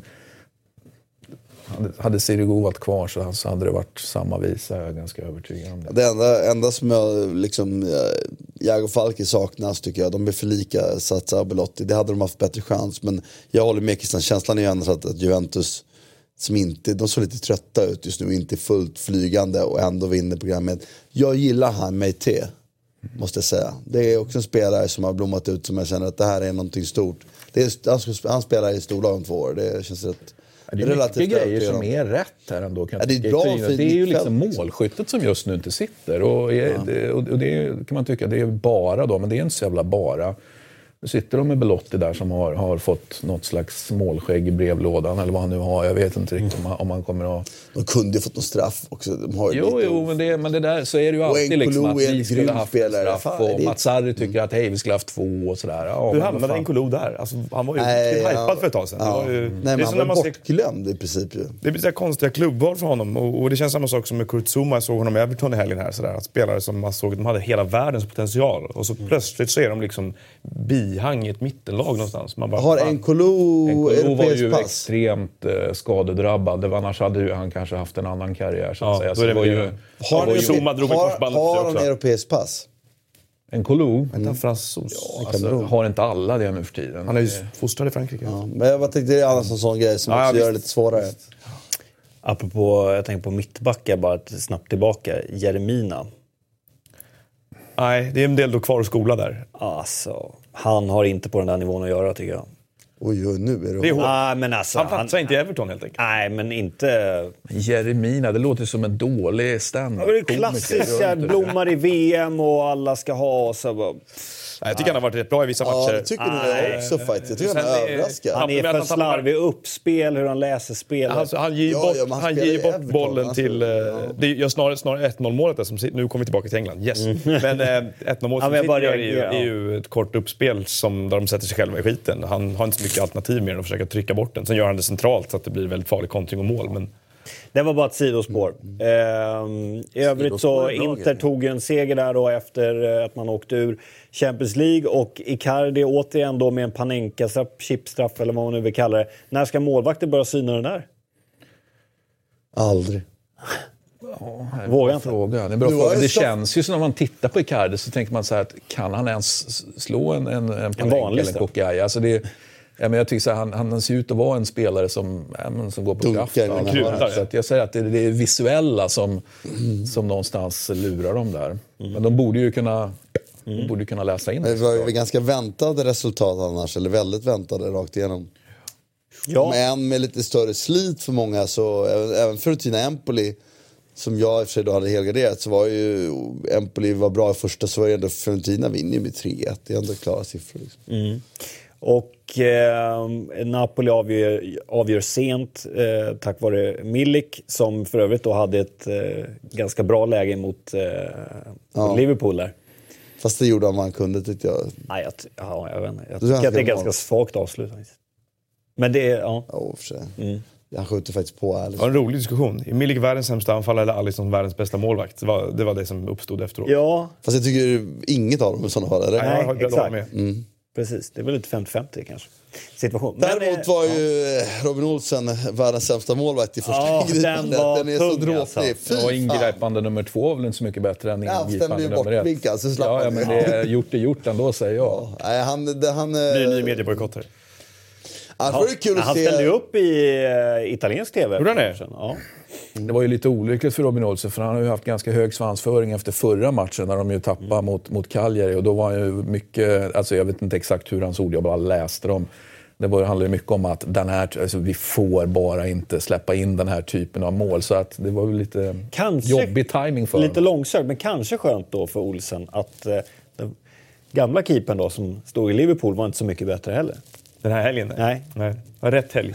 Ja, det är ju Så att han kan säga det liksom. Man kan väl säga att Genoa ändå ser lite roliga ut nu. eh, Och Hiljemark fick göra mål och assist. Även om assisten då var lite dråplig. Det var också bra av Piontek att snappa upp den där. Det Det är är, bra. Anfallare som fullföljer, jag älskar det. Liksom. Men det slutar man kan inte Piontek hade varit fin för Roma kan jag känna. Det är det jag tänker. Det intressanta med honom nu är att det är ett väldigt litet urval på den här formen liksom fortfarande. Och hur, hur bra han är är väl fortfarande uppe för, för diskussion. Vad som är en formtopp och vad som är att faktiskt en, en, liksom en grundmurad förmåga hos honom. Men det är typiskt sånt läge där något lag som har det stressigt lägger stora pengar på honom. Är det rätt av Genoa då? Borde de hålla i eller är det rätt att kapitalisera på den här formtoppen och sälja honom? Det är ju, det är ju Sälj. såklart en väldigt bra fråga. Ja. Du har, ju samtidigt, du har ju samtidigt en president i Genoa som är så hårt ansatt nu igen. Mm. Så att kritiken är ju monumental. Precis som att kri- kritiken är ju monumental as we speak i, i, Roma. i Roma mot Palotta.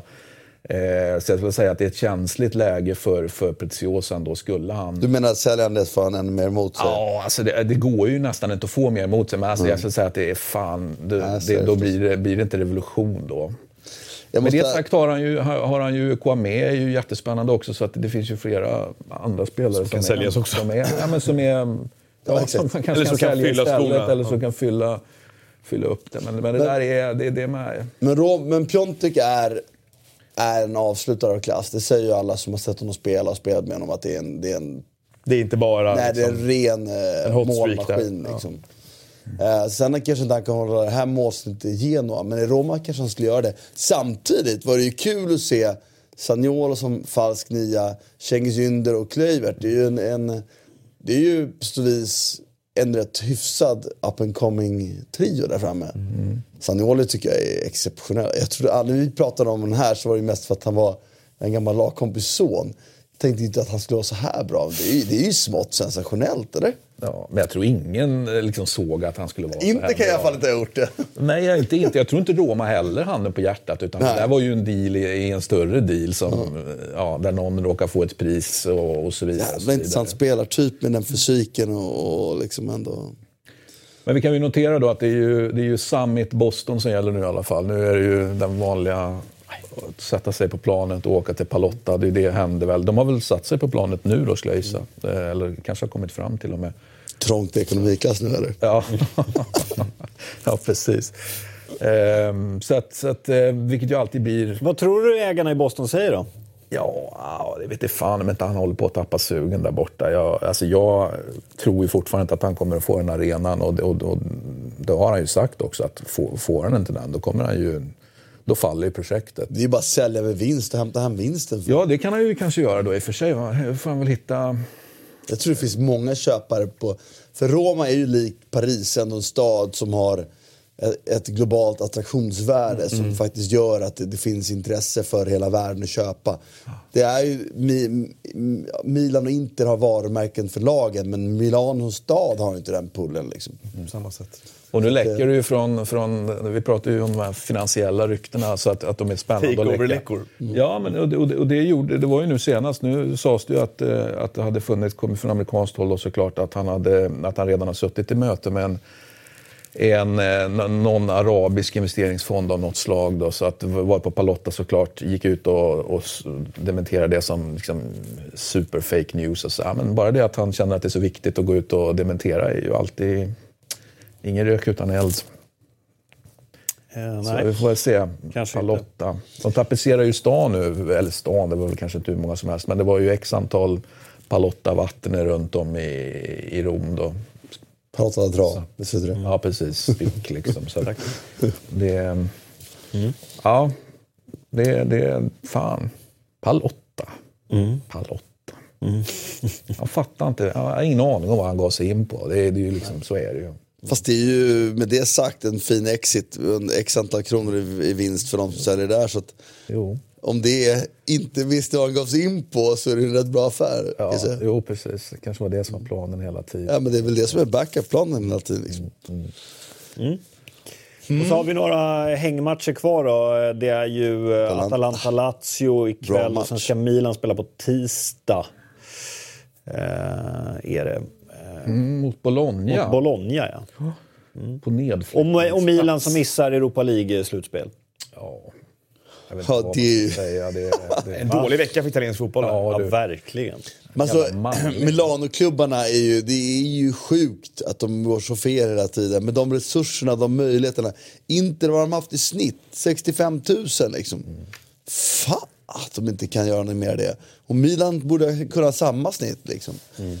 Det är ju verkligen eh, italiensk eh, fotbolls halvkräftgång i ett nötskal. Det är ju de två klubbarna liksom. För de andra är ju, det är väl Roma som går lite sämre, de andra är ju, så Napoli överpresterar ju. Juventus överpresterar ju egentligen liksom ur globalt mått. Men Inter och Milan, de borde vara... Så det, det är tråkigt, alltså, utöver att jag inte eh, håller alls på Milan och kan på något sätt vara lite skadeglad att det går dåligt för dem, så tycker jag det är väldigt tråkigt för italiensk fotboll att de inte, framförallt att inte Milan får ihop det. Att Inter och Napoli åkte ut, ett av lagen gått vidare var det bra. De är trots allt sämre än de lag de möter. De hade oflyt i lottningen. Liksom. Men Milan skulle ta sig vidare. Då har det varit en, ett Europa League som hade varit fullt av italienska lag. Och det är ändå en titel. Och poäng för Europa att spela in. Och pengar att tjäna. Men nej, Icke. icke. Tragiskt. Skulle du vilja se um, Napoli-Malmö? Gärna. Ja. Verkligen. Förutom att det skulle vara farligt att åka ner till Napoli och se, eh, även om jag skulle sätta på mig alla Napoli-attiraljer jag har hemma så skulle det vara livsfarligt att röra sig där nere. När man möter Malmö. För, Med blond skalle. ja, alla svedese, då ska man ju... Jag minns när eh, rapporterna från när AIK mötte eh, Napoli. Ja, det, Ja, det var, höra. Alltså. det var eh, ruggigt stökigt. Tyvärr. Ja, Det är eh, farligt nog att åka ner dit och kolla. Jag har sett Napoli möta engelska lag två tillfällen. Det har inte varit superroligt faktiskt, måste jag säga. Eh, Jag är rädd att jag kan italienska, liksom. Men det har verkligen varit så här... Inglese. City. Ja, Liverpool. Och Bara, ja. ja. Man kanske ska, ska man se Napoli ska man kanske se dem på plats när de möter ett italienskt lag. då. ja, eller spanskt eller någonting. Nåväl, eh, jag tror lottningen är väl igång eh, men de håller väl på att chitchatta fortfarande så att eh, ja, själva de steppar väl i år övningen, igen? är- övningen är igång. Men lottningen Kan man logga in och se steppningen tror jag? Ja, den är jag ska se om vi jävligt kan få sugen upp på. det live sen på, på skärmarna. Men eh, vi har ju en del spansk fotboll att prata om också. Det är Sammy Davis och, och Frank Sinatra som steppar, eller vem är? Antiteser som steppar. Där eh, Messi krossade Levante. med, med hattrick. Jag såg Martin, du var inne igår och... Hittade på att jag tyckte att Harry Kane var bättre. Ja. Var, flög inte riktigt. Var han inne och, var han inne och jabbade? någon Bibbeck? Jag tänkte, Jävla idiot! nej, det är otroligt olämpligt att vara ironisk och- det, går, nej, men det, fun- Twitter. det funkar ju, men då måste man hålla sig till en tweet. Man ska Ja. stycka upp ironin i flera, då blev det så här... Va? Han, och så lever den sitt eget liv. Man bara, det här var skämtet. Men eh, jag, jag, jag, jag tycker ändå... ditt parodikonto som var igång där. Alltså bilden är ju, är ju spännande. Den är ju bättre än grafiken ändå kan jag tycka. Alltså, hans, hans förvandling till trädgårdstomte är ju extremt påtaglig. Och tillbaka! Man har ju rakat av sig allt igen. Ja, men det är helt sjukt hur man, att han väljer att se ut så. Så, väl, valde att se ut så. Eller valde då. Men nu har han kommit underfund med det. Ja, men det är ju för fan, det är ju spitting image på... Ja, det, Ja, ja visst. Men han är bra på fotboll. Ja, han är Men vad säger vi om hans prestation i, igår? Då? Ja, med tanke på att Levante är ju, alltså det är ju ett klart mycket bättre lag än, än vad jag såg framför mig att det skulle bli en tuff match där. Så att det här var ju en, eh, en öppning av formen, inte bara Messi, men, eller kanske inte alls av Messi, men av laget. Det här var ju en superprestation. Liksom.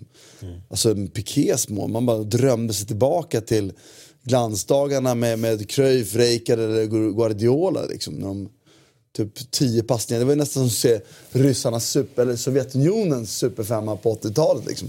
Två passningar för mycket, gjorde vad de ville. Liksom. Nej, det, var, det, det var en eh, imponerande insats.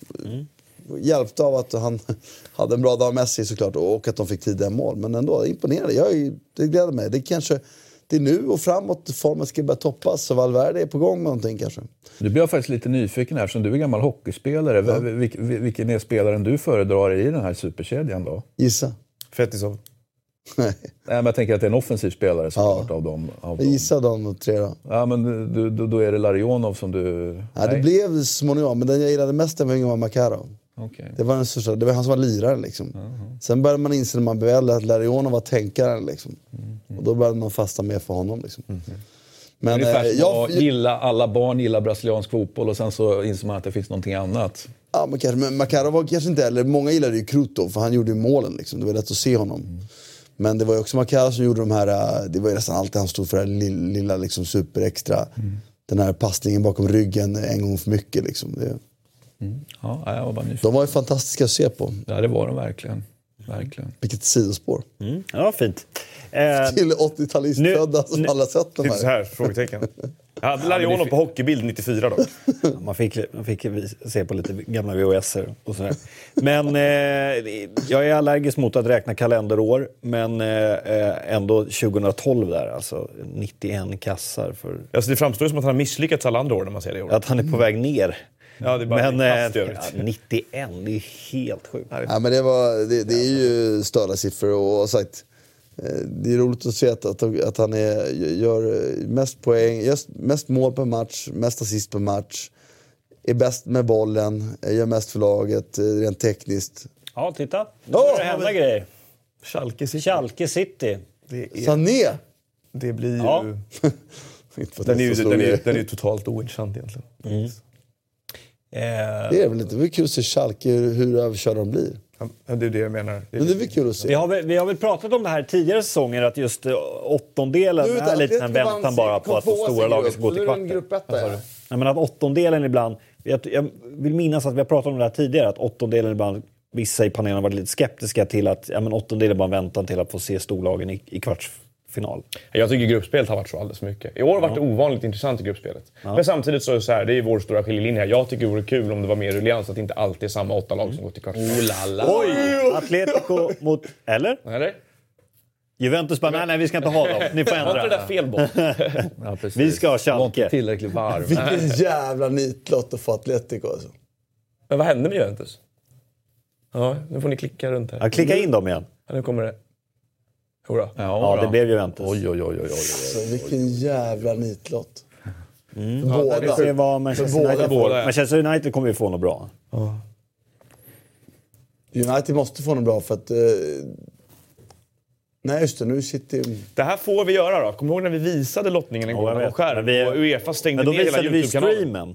Det här är ju bara deras liksom, Lottningsruta. En konstig grej har vi Lottningsruta. fattat. Ja. Vänta, måste ni ger oss gratis utrymme. Ja du. Er ska vi stänga ner. Fast det är någon som har betalt för utrymmet. Men Martin, vad tror du då spontant? Atletico och Juventus?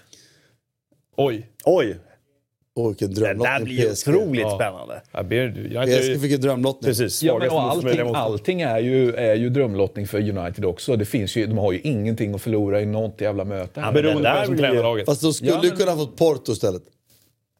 Ja, men då hade de ju haft press på sig eventuellt att ta Porto. Nu känner jag bara att det här är perfekt. Nu kan de skylla på att PSG är en rikare, eller det är de ju inte heller. Jag är inte de kan så inte skylla på någonting. Jag är inte så säker på att PSG tar det. är- United under ledning av Zinedine Zidane slår ut PSG där.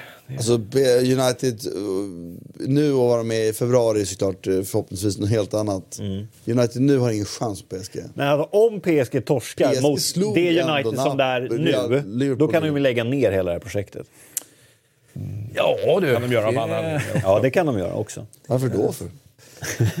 Vi tar det. Men de kommer ju aldrig någon vart. Men vi får väl se. Eh, vad sa du om Atletico och Juventus? Att jag tycker att det är eh, två också lagen jag tvåa. tror skulle kunna vinna det här. Ja, Så spännande. att det är ju väldigt surt. Jag tycker synd om Atletico som inte riktigt flyger och får ett Juventus som hittills tycker jag har varit det mest kompletta laget av de här.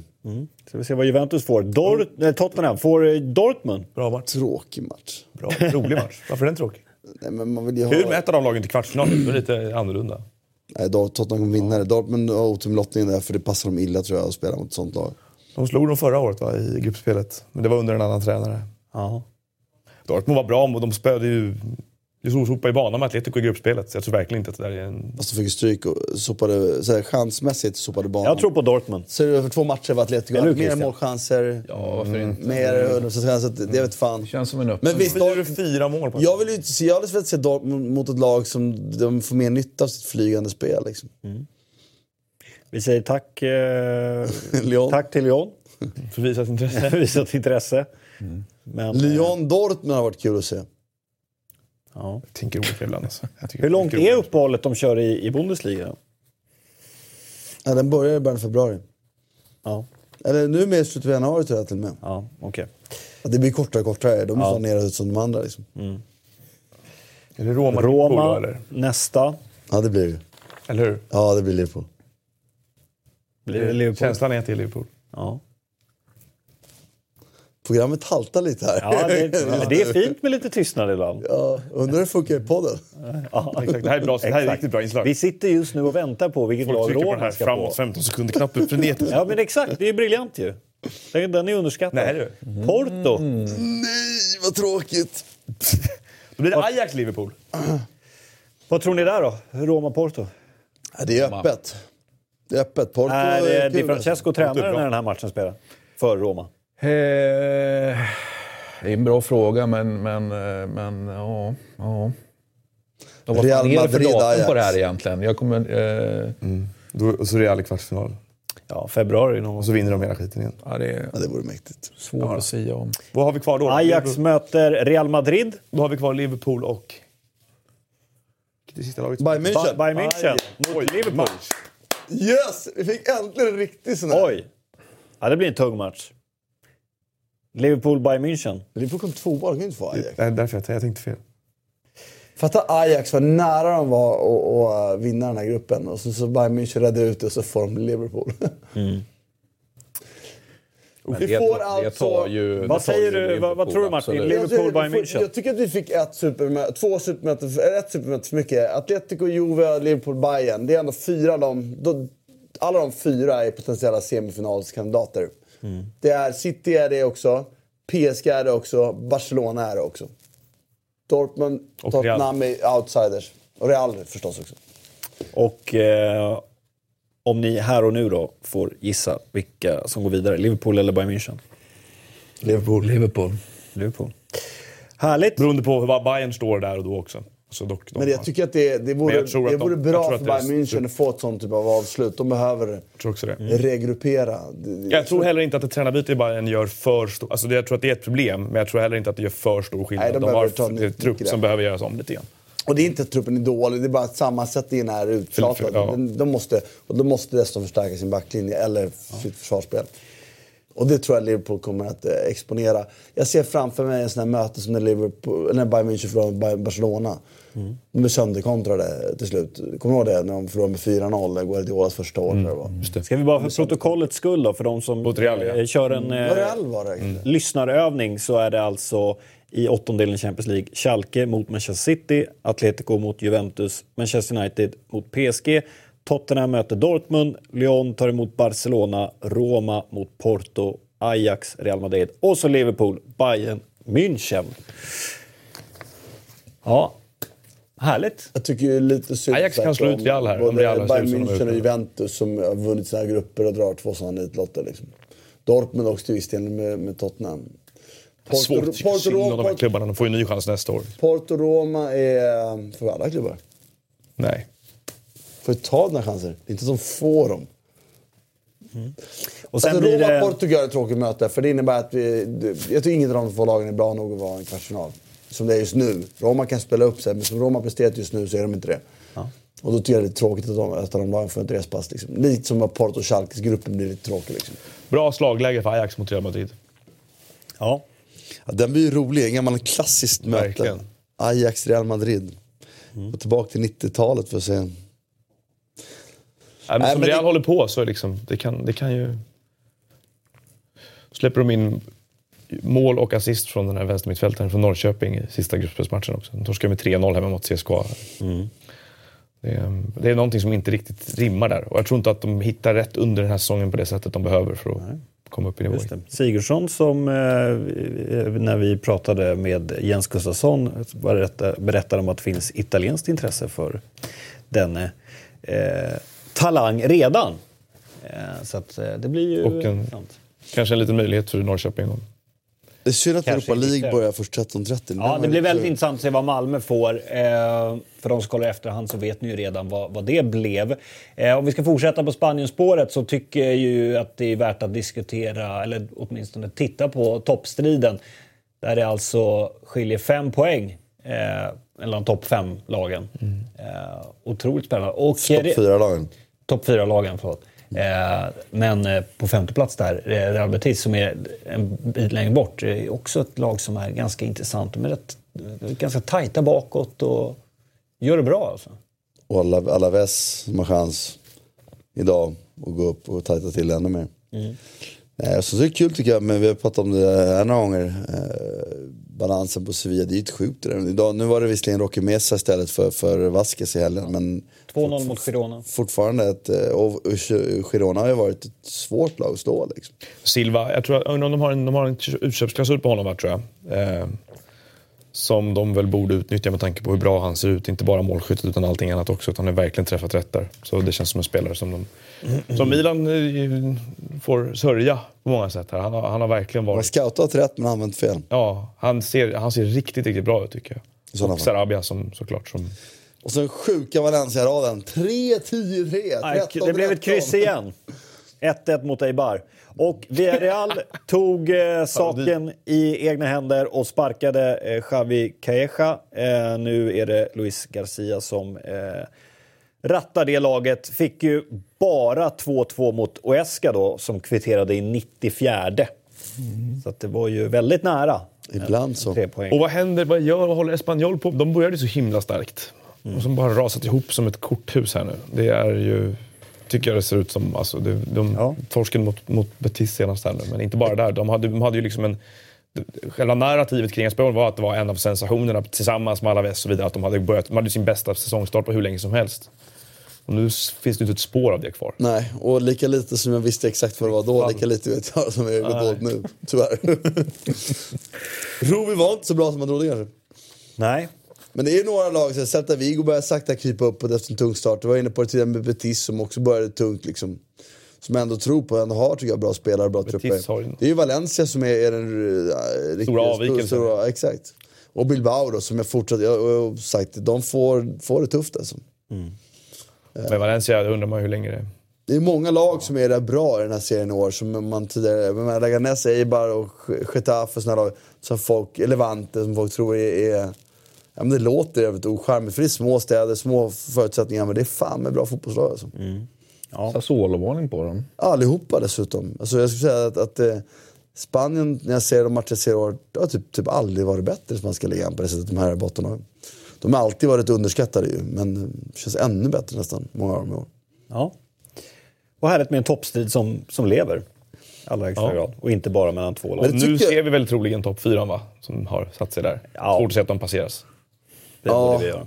Det är Betis, eh, för de har ju spelet. De är inte, ja, men de är inte tillräckligt Nej, men har de spelet så, så kan det, om de slutar ge bort grejer och får lite bättre utdelning så kan de ju kat- klättra Över en säsong tror jag ändå Sevilla. Så. Nej, det, det vore ju märkligt att hålla med. Jag måste säga bara att, att apropå det här med att prata om jämnt. Jag tycker att det är en sak som glöms bort lite i Premier League. Vi pratar nu om att folk pratar om att det är så stort bland glapp mellan toppen och botten. Men det är ju, det är ju jämnt i toppen. Det är ju jämnt i Champions League-platserna.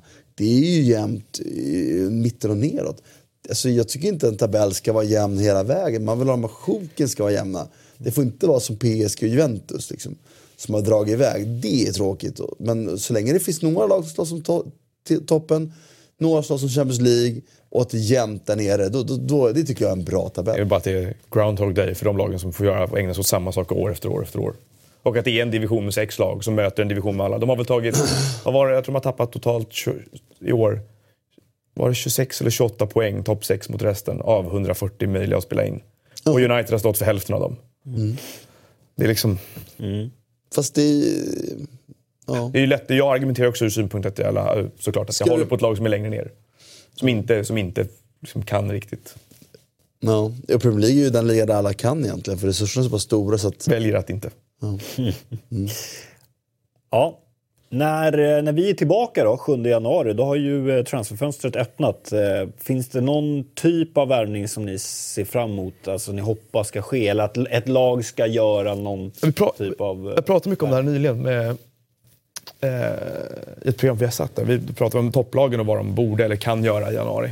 Det är ju, jag tycker i, i, eh, i vissa fall med de lag som har stora behov så beror det på vem som tränar dem. Manchester United är ett typiskt sådant exempel. Så jag vet inte, skulle de få in en ny tränare där så är det väl dags för honom. Då måste han inventera först innan de börjar göra om jättemycket. Men vad man kan tänka sig utifrån, jag vet inte hur, hur det pratas om i, i Italien om det, men det är ju att Koulibaly och, och Napoli nu har ju en säsong som är på väg ingenstans på ett sätt. Att de kommer förmodligen komma typ två i ligan.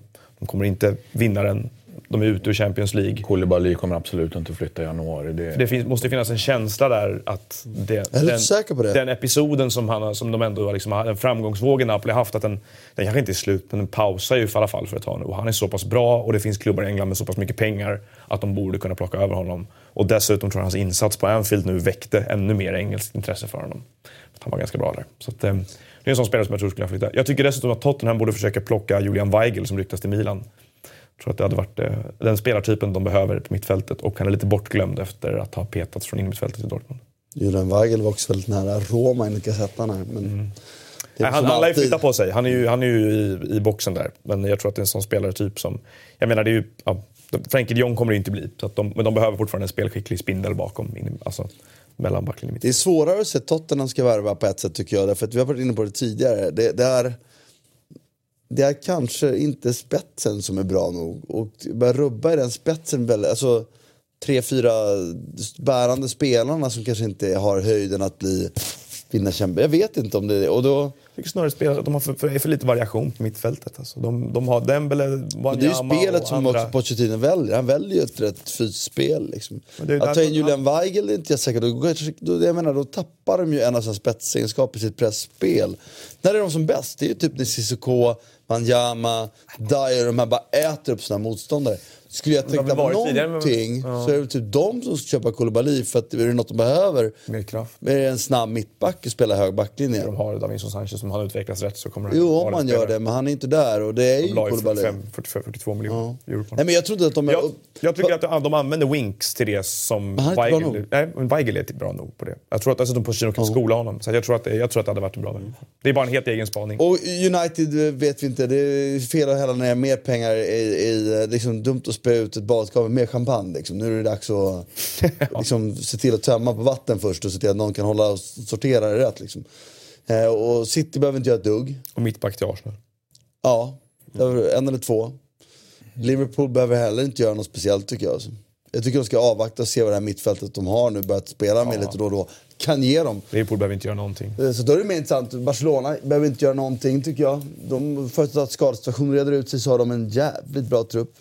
Real Madrid behöver titta på en forward för det är tydligt nu att Benzema gör inte de målen. Mariano steppar inte upp. Där behövs det göras något. Men i januarifönstret är det ju svårt på det sättet. Alltså. De, de, mm. de här spelarna som tillför riktigt värde. Det är ju de som man kan hitta, som när Spurs tog Mora från PSGs bänk, tycker jag. De som har hamnat avsides på ett sätt som gör att de kan göra, värva dem lite under marknadsvärdet till exempel. Jag tyckte att till exempel att en sån spelare som Nathaniel Klein i Liverpool här, att det var kanske läge att för någon att försöka hugga honom om det gick eftersom han har tappat sin plats till Trent Alexander-Arnold. Fick han chansen i, igår här. Men nu är ju Trent borta ett tag, eller han satt ju med så att den- pjäxa Den i veckan. chansen är ju out förmodligen då. Han lär ju spela mycket nu och vara ordinarie där. Så. Eh, ja, så är det. Men min känsla är att det, det inte kommer hända så jättemycket. Så här, alltså, Det brukar ju inte göra. Nej, det har ju mattats av lite sen... Eh, Det brukar, då, det brukar ju ske dåliga Torres, köp. helikoptern, det var en vinter... Det var Andy Carroll-vintern. Som den är känd som. Exakt. Ja. Men det finns ju en del att göra och det är kanske inte de stora värvningarna nödvändigtvis men det finns en del som måste fylla lite trupper ändå. Liksom. Och, och jag menar, det ska ju också förhopp- förhoppningsvis förändras på en del tränar, tränarposter. Liksom. Vilka i Italien tror du kommer vara mest aktiva på transfermarknaden? Ja, det har ju varit mycket prat om Milan så det är väl egentligen det jag ser, ser fram emot. vad de gör och inte gör. Och, eh, nu har ju han eh, Paketa eller Paketa eller hur man nu uttalar det. Han har ju trots allt en axan där som, som bör innebära någonting. Han, verkar, han är ju klar och har varit besökt men det, han lär väl inte vara den enda utan det lär ju komma något, något mer där. Va? Samtidigt börjar ju de skadade spelarna börjar ju komma tillbaka nu. Nu, nu var ju både Soso och, och Romagnoli och en till som jag glömmer bort nu vem det var eh, tillbaka. Så det, det, men det är spännande att se vad de, vad de... Det är ju trots allt en förhållandevis ny sportchef där. Det ska vi också komma ihåg. Så att han, det är liksom... Fabregas då? Ja, där, där bråkar de ju om priset vad jag förstår. Där. De vill ha åtta, eh, eller Chelsea vill ha åtta och de kan tänka sig eh, några få miljoner möjligtvis eller alla helst gratis. Liksom. Eh, Såklart Milan, men varför skulle Chelsea ge bort det då? Det, ja, jag, vet, jag kan inte säga att jag ser fram emot att se Alltså, Fabregas. Det känns, en, som, Känns som en, mätt sen länge nu tycker jag. Ja, men det- känns en trött grej och då har du dessutom, säga vad man vill om skadan Vet du vart på... de ska gå? Besiktas. Ja, exakt. Ja, men det är verkligen det är besiktasvarning det, på honom. Det verkligen. bättre än så, eller? Ja. det är besiktasläge. Men det, det, du har ju fått en intressant effekt Ja, i. Milan faktiskt. Det är ju att nu sen Bilja långtidsskadade så har ju faktiskt Bakayoko sakta men säkert Exakt! kommit in i Han matchen. har varit riktigt bra. Nu har han varit så här bra som man trodde han skulle vara efter sin tid i Frankrike. Liksom. Så, att, så att då menar jag, då kanske... Ja, ska du gå in, ta Fabregas och så sänka Bakayoko? Det, det känns jävligt onödigt På, faktiskt. på tal om Bakayokos tid i Frankrike så är det ju där på ett lag som det lär kunna hända grejer i, ju Monaco alltså. Med tanke på Ja, vad som pågår. Det är ett ungt alltså. lag förvisso. Men de ligger ju näst sist. Där har vi ett lag och de som- Mm. torskade med 3-0 igår. Och det var tydligen Henri tydligen lemlästade ju spelarna verbalt efter matchen. Det verkar utvecklande bra. Såg ni den här situationen, om det var Framförallt 18-åring. inför 18-åring. Europaspelet, det var någon presskonferens, så bara, jag minns inte vem det var. Ja, Han spelar inte sköt in stolen sköt in stolen han bara eyeballar honom och liksom så här. Nej, men det, det där verkar vara jag menar, illa Försvarsspelet i scoutat. Monaco, jag satt och kollade highlights här innan. Herregud alltså. Ja, men Henri, Henri, det är intressant med Henri. Han, han dodgade ju ändå Aston Villa-jobbet där. Liksom, och något annat jobb. Och, och så här, "Nej, jag ska ta ett jobb, jobb som känns rätt. Nedflyttningshotat, kaotiskt 18 års Tränare och timing ibland. Alltså varför tog han Monaco? Det, är som, det största vadå, frågetecknet... om man är en bra tränare så är Monaco en bra klubb att vara i. Ja, men om man, vet, om man känner sig själv och vet om att jag är nog inte på den nivån att jag kan rätta den här skutan. Alltså, fan. Henri. Ja, jag tyckte ändå att Bättre det, jag tyckte ändå det kändes bra när han tog det. Det, det, det, var, alltså det, det var, han var till synes klok och, och som, du- som du sa ja, med villajobbet och allt det där. Jag skulle ändå vilja slå ett slag för att det såg bra ut. Sen ser det ju inte bra ut nu då, men det kanske är en helvetisk start som kanske föder någonting gott. Det är svårt att se det just nu. Men... Faran är ju, som man ofta känner ibland med spelare som har varit för bra, det är att de aldrig har funderat på vad som inte kan fungera eller som fungerar. Utan de har bara spelat och varit bra. Henri var ju verkligen en sån typ, då fång jag mötte honom så var ju en spelare man bara, varför gör han inte mer? Han bara och väntar liksom? Eh, tur att han inte gör mer. Eh, men men eh, då tänker jag att ibland kanske inte de... Men om man inte funderat vad som inte funkar så kanske man inte heller kan lära ut till de som inte kan från början. Liksom. Nej. Det väntar ligacupen i, i veckan Gud, där kul. Leicester City ska möta Manchester City och så Arsenal-Tottenham. Det är faktiskt kul. Det är kul. Det blir roligt. Ja, det blir spännande. Men, Båda lagen vill åka ut. Ja. ja, det är spännande att se om båda vill. Arsenal har väl lite mer anledning för Emery att ta en... Ta en alltså Pochettino får ju fortfarande inget erkännande innan han har vunnit en ligacuptitel så det är väl lika bra att försöka vinna den. Kanske. Ja, eh, sista avsnittet för året. Vi eh, stänger boken. Det är mästerskapsår också. Eh, Ja, det är alltid viktigt. Det är så, det är så man... eh, Det, det, exakt, det är viktigt. Det är ett VM-år. Mm. Det, det, det, är liksom, det är svårt att kollra bort VM-år. Var det ett bra år?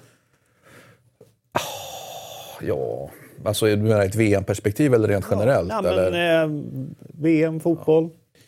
Ja, jag, jag tycker, jag, alltså, för min egen del så blir jag ju sakta men säkert så, så, så känner jag ju att VM, alltså, det har väl att göra med att jag, att det möjligtvis var mer fascinerande när man var yngre. Då. Alltså, Men jag tycker att det blir lite mera, liksom, i i allt det underbara också lite mera vedervärdigt för varje, varje VM. Liksom. Och utan Italien.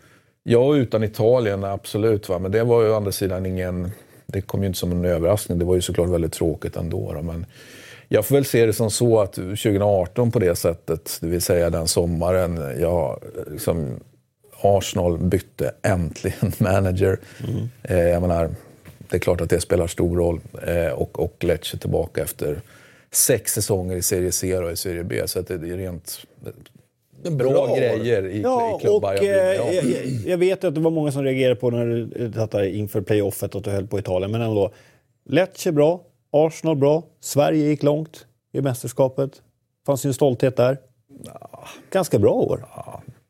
Ja, alltså för de som håller på Sverige så var väl det kul. Ja. Men, det, men det, nu gör ju inte jag det. Ja. Och Men- Noah, du som eh, jobbade järnet under VM. Det måste ju ändå ha varit ett härligt eh, Ja, det var grymt. Det var grymt. Jag hade en annan upplevelse av VM. Jag håller med Ja. Christian, det fanns mycket vidrigheter. Men eh, jag hade, Ja. det är svårt att jämföra min upplevelse av VM med, med hans säkert. Jag tyckte det var fantastiskt. Ja. Nej, VM kan vi skippa. Kan skit? Nej, jag skojar. Vi vill ju ha mer VM, fler lag, fler matcher. Ja, men jag tycker absolut att det vore roligt att få sprida det till, till, fler, till fler deltagare. Absolut. sagt VM, är-. VM, är- vadå, VM är inte spett, så kan vi lika gärna gå på bredd. Jag är en, eh, svart eller vitt där. Jag har pratat här för många gånger. Champions League, spett. Och för dig måste det ju också varit 2018 varit ett bra år. Ja, såklart. Ja, AIK vann. precis. Så, att, Om inte fotbollsmässigt, så finns det mycket annat i livet än fotboll, trots allt. så är det ju. Ja, och det kan vi prata För om att- någon annan gång. Nej, folk som tror följer oss här tror att det bara är fotboll för oss kanske, men Så är det inte. mm, så är det absolut inte. Nej. Hörde, det har varit ett, eh, ett härligt år då, får vi väl eh, konstatera, 2018. Och eh, vi ses ju snart igen. Det blir, ju- det kan ju låta som ett säsong- säsongsavslut här, men vi är tillbaka redan 7 januari. Så att, eh, eh, Fast och- det är ju en bit ett, Jo, men faktiskt. det är en liten bit. Men inte så stort som man kanske kan tro. Men eh, Få i sig lite revben fram tills dess då. Jävlar. Så man inte ser ut som David. Tyvärr ingen risk. nej, eh, vi stänger eh, boken för 2018. Vi säger stort tack till eh, alla som tittar och lyssnar på Eurotalk. Och vi önskar god jul och gott nytt år.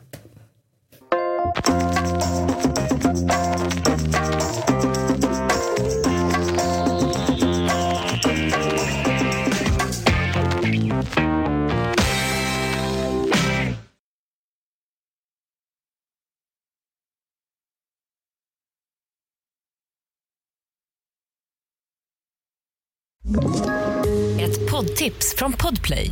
I fallen jag aldrig glömmer djupdyker Hasse Aro i arbetet bakom några av Sveriges mest uppseendeväckande brottsutredningar. Går vi in med hemlig telefonavlyssning och, och då upplever vi att vi får en total förändring av hans beteende. Vad är det som händer nu? Vem är det som läcker? Och så säger han att jag är kriminell, jag har varit kriminell i hela mitt liv men att mörda ett barn, där går min gräns. Nya säsongen av Fallen jag aldrig glömmer på Podplay.